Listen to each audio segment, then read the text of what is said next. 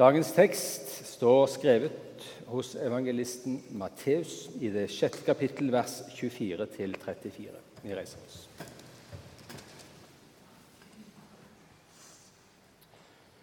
Ingen kan tjene to herrer. Han vil hate den ene og elske den andre, eller holde seg til den ene og forakte den andre.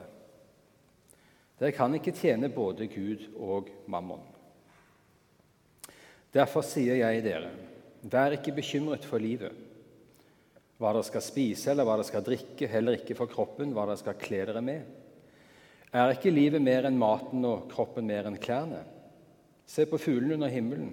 De sår ikke, de høster ikke og samler ikke i hus, men den far dere har i himmelen, gir dem føde likevel. Er ikke dere mer verdt enn de? Hvem av dere kan vel med all sin bekymring legge en eneste alen til sin livslengde? Og Hvorfor er dere bekymret for klærne? Se på liljene på marken, hvordan de vokser. De strever ikke og spinner ikke, men jeg sier dere, selv ikke Salomo i all sin prakt var kledd som en av dem. Når Gud kler gresset på marken så fint, det som gror i dag og kastes i ovnen i morgen, hvor mye mer skal han ikke da kle dere, dere lite troende? Så gjør dere ikke bekymringer og, og si ikke 'hva skal vi spise', eller 'hva skal vi drikke', eller 'hva skal vi kle oss med'? Alt dette er hedningen opptatt av. Men den Far dere har i himmelen, vet jo at dere trenger alt dette. Søk først Guds rike og Hans rettferdighet, så skal dere få alt det andre i tillegg. Så gjør dere ingen bekymringer for morgendagen. Morgendagen skal bekymre seg for seg selv, og hver dag har nok med sin egen plage. Slik lyder Herrens ord.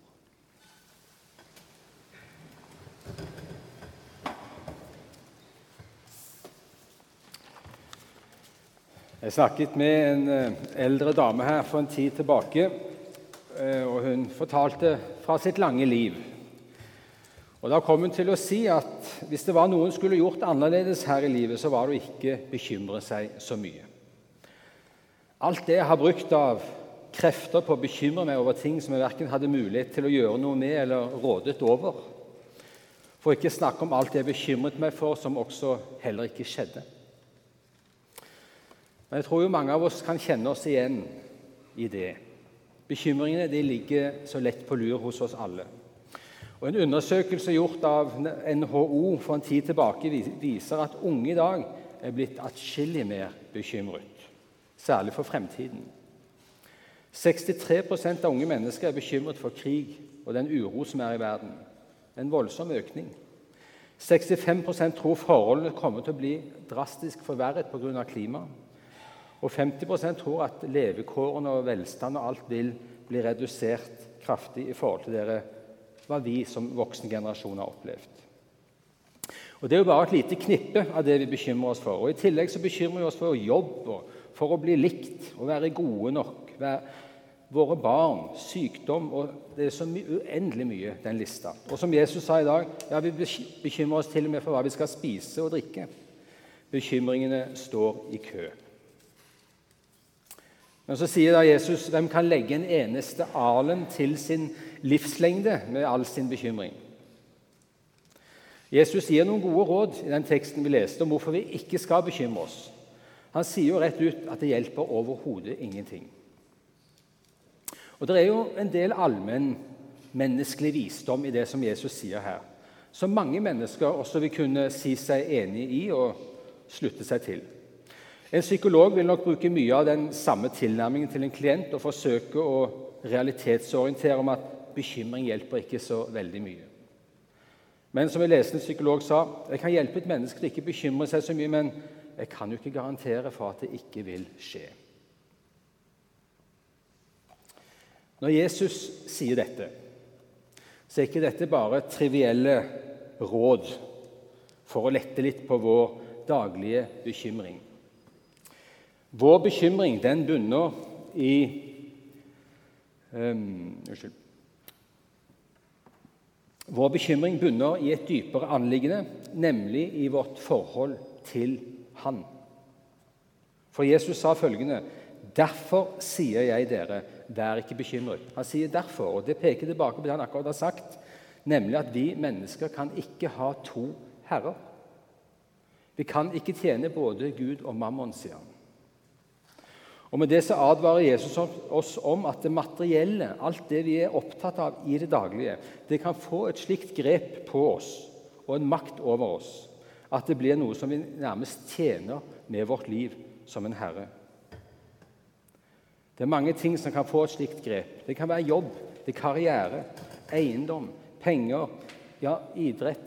Alt mulig som kan fange oss sånn opp, oppsluke oss, at det blir totalt styrende og altoverskyggende for livet ellers. Og Det sier Jesus. Ja, det leder oss ut i bekymring. Han kaller dem lite troende, sier han. Bekymring er faktisk et uttrykk for mangel på tillit til Gud. Når Jesus sier at vi ikke skal bekymre oss, så handler det om at vi må huske at vi er hans barn. Vi er under hans omsorg. Vi vet at han er historiens herre, og han vet hva vi trenger, sa Jesus. Hvorfor skal vi i det hele tatt bekymre oss? Alt vi ser rundt oss, er et vitnesbyrd om hans omsorg for oss. Se på naturen, se på fuglene, sa Jesus. Alle dyrene. Gud tar seg av alt. Det er han som gir dem mat. Han kler marken i skjønneste prakt. Alt vi ser rundt og foran oss, har Gud gitt oss. Skulle han ikke ta seg av sine egne barn, som han har kjøpt så dyrt med blodet fra sin elskede sønn? Hva det kostet Gud av smerte og lidelse å gjøre oss til sine barn? Skulle han ikke bry seg med oss? Hvordan kan vi tenke så smått om Gud? Inger leste fra profeten Nehemja, og han minnet oss på hvordan Gud tok seg av sitt folk i ørkenen for når folket var ute i ørkenen og var ledet ut i, fra Egypt, ehm, så var det verken mat eller drikke der ute. Det var jo ingen forutsetninger for å leve der i det hele tatt. Men Gud ga dem manna, han ga dem kjøtt, fugler, han ga dem vann av klippen. Han sørget for dem så klærne ikke ble utslitt, står det. At de ikke fikk blemmer og bena hovnet opp. Hele Israels historie er en eneste lang historie om Guds omsorg og hvordan Gud tar seg av sitt folk. Sin øyensten, kaller han det. Det er et godt uttrykk, et sterkt uttrykk for noe som du vokter godt og beskytter. Det er vel ikke noe vi er mer forsiktige med enn våre øyne. Men så hører vi da dette folket at selv om Gud tar seg av dem, så klager de og er misfornøyd og er bekymret. I 2. Mosebok 16 så har folket kommet ut i ørkenen, og Gud har gjort de største og mektigste tegn og under og reddet dem ut av dette slaveriet. Men så beskylder de Gud nå i neste omgang for å ville føre dem ut hit for å dø. De savner kjøttgrytene i Egypt, står det. Og de anklager til og med Gud for ikke ville dem vel. Og alt har sitt egentlige utspring i at de er bekymret for hvordan de skal kunne overleve der de er nå. Det leder igjen til anklagen og mistro til Gud. Bekymre dere ikke for morgendagen, sa Jesus. Nei, vi, vi vet ikke hva som skjer i morgen. Noe kan inntreffe, og vi kan bli overrasket. Men Gud ble ikke overrasket. David sier i Salme 139.: Dine øyne så meg da jeg var et foster alle dagene skrevet opp i din bok. De fikk form før en av dem var kommet. Vi har en far som er allmektig, som vet alt, tar seg av oss, også når livet møter prøvelser. I Salme 37 så sier David noen ord til ettertanke. for Han sier han har blitt en gammel mann, og så sier han følgende.: Ung har jeg vært, nå er jeg gammel. Aldri har jeg sett en rettferdig forlatt eller hans barn be om brød. Han har aldri sett noen av Guds barn forlatt eller mangle noe. Det betyr ikke et liv uten prøvelser, men Gud har alltid vært der og sett til sitt barn. Ja, våre bekymringer kan avsløre noen ganger vårt forhold til Gud. Og Det springer ut av at vi egentlig ikke stoler på Gud, sier Jesus. Og Det jordiske kommer i forgrunnen. Og Alvoret i det, det sier også Jesus noe om i lignelsen om såmannen. For Der forteller Jesus at bonden som gikk ut for å så Det jordsmonnet som kornet havnet i, det, fire det var fire forskjellige jordsmonn. Noe falt ved veien, noe ved steingrunn, noe blant tårnebusker og noe i god jord. Det som falt ved veien, kom fuglene og spiste opp. Djevelen tok bort ordet. Det andre som falt på steingrunn med tynt jordsmonn, det spirte med en gang. Altså Man tok imot det, men så døde det fort når solen stekte. Det døde ut. Det var et bilde på de som ikke holdt ut, sa Jesus, fordi man merket at det kostet noe å følge ham. Og Så sier han at noe falt blant tornebusker. Det spirte opp og vokste, men så ble det kvalt. Og Jesus sier at det er dem som verdens bekymring og rikdommens bedrag kveler ordet for. Og Så var det til slutt det som falt i god jord, er de som tar imot ordet. De bærer frukt. Men legg merke til tredje jordsmonn. De tar imot ordet, kommer til tro, men etter hvert så kveles livet med til Gud, livet med Gud og tilliten til Han pga. bekymring og rikdommens bedrag, som han sa. Jeg tror et problem for mange av oss er at vi gjør problemene og bekymringene store og Gud liten. Er det noe som er umulig for Gud? Han har lovet å ta seg av oss. Han har forpliktet til å ta seg av oss. Du og jeg er hans ansvar. Vi er hans barn. Slik som foreldre har ansvar for sine barn, så har han ansvar for deg og meg. Å leve med Jesus er å ha en herre i livet, en frelser, Gud, som vet hva vi trenger.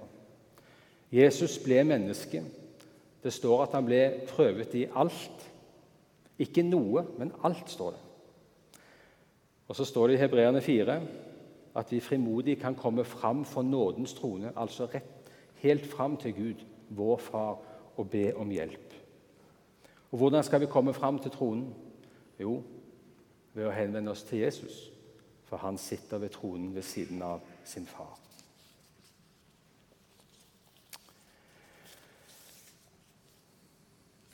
Gud, vår far, han vet hva du og jeg trenger. Du og jeg vet så altfor ofte ikke hva vi trenger. Dere ber, men får ikke fordi dere ber galt. Dere vil sløse det bort i nytelser, sier apostelen Jakob. Våre bønner kan ofte kretse rundt alt det jordiske som vi holder på med.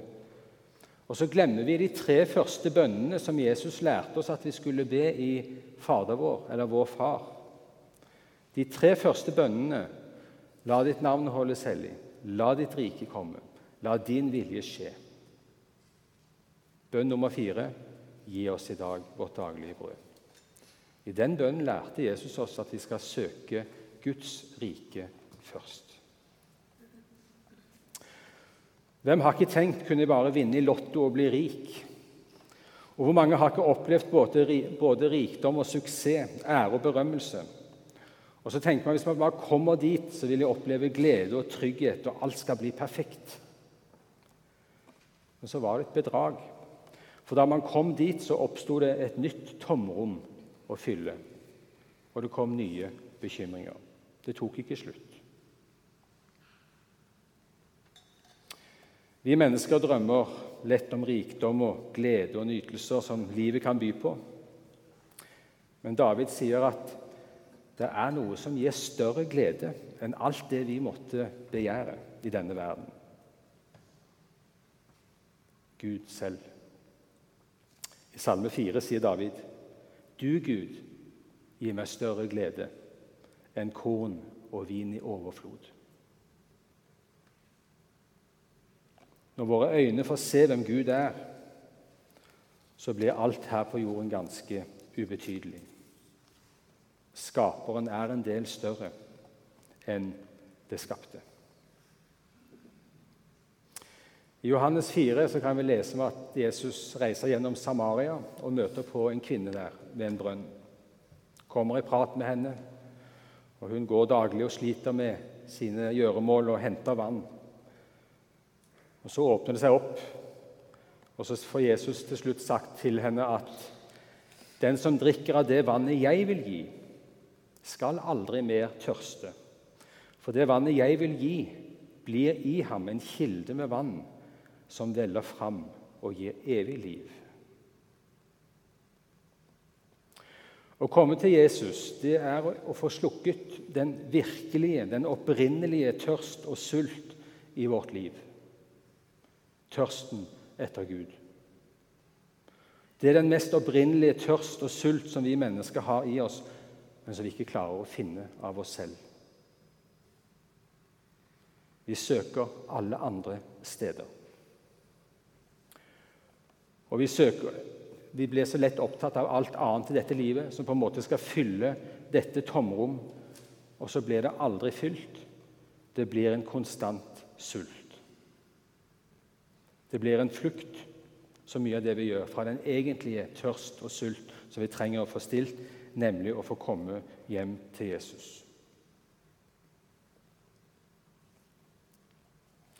Da Jesus hang på korset, så kan vi lese at Jesus sa 'Jeg tørster'. Jesus hang på korset og ble forlatt av Gud, og han smakte den virkelige tørst og sult etter Gud for oss. Min Gud, min Gud, hvorfor har du forlatt meg? Han ble forlatt av Gud.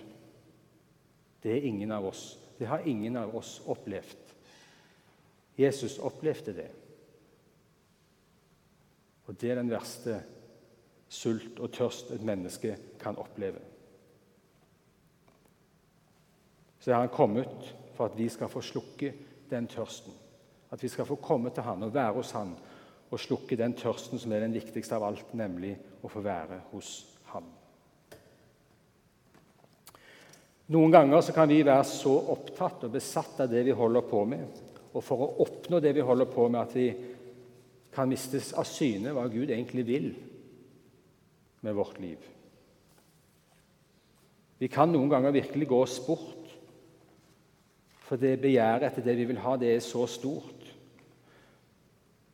Og Da kan Gud noen ganger måtte bruke ganske tøff, tøffe, bruke tøff lut for å få oss tilbake. Jeg skal fortelle en liten historie om en predikant som reiste, en som heter Dwight Moody, som leste på slutten av 1800-tallet. Han reiste opp til, til, Skottland. og Der møtte han flere av disse gjeterne og hyrdene som jobbet med sauehold der oppe. Og Så kom han i prat med en av disse, og så forteller han at gjeterne sa at det var et bestemt gress som var så veldig søtt og godt som disse sauene gjerne oppsøkte og ville finne. Og Det kunne noen ganger befinne seg nede på klipper og hyller på fjellet. Og Hvis de oppdaget at det var der nede, så hoppet de ned til den klippen, den kanten og så for å få tak i det gresset, men så kom de seg ikke opp igjen. Og det kunne være stupbratt rett ned. Og Da lurte jo Dwight Moody på hva, hva gjør dere da. Og Da sa gjeterne at de må la den sauen være der til han ikke kan røre seg mer. Til han er så forkommen at han ikke kan røre på seg. Og Da lurte han hvorfor var det nødvendig. Jo, fordi hvis han gikk ned på hyllen før, for tidlig, så kunne han risikere at han hoppet utfor kanten. Så kan det være et bilde, kanskje noen ganger på hvordan Gud også må vente med oss for å få tak i oss at vi trenger noen ganger å komme til et bestemt sted før han virkelig kan nå inn til oss. Mange av oss lever med tøffe tak. Det kan være savn og tap, og vi uroer oss for hvordan vi skal klare å takle det vi står i. Må jeg leve med dette resten av livet? Bekymring kan jo virkelig lamme oss noen ganger. Vi kan vite at vi er ikke alene. Gud er der hele tiden og ser til deg.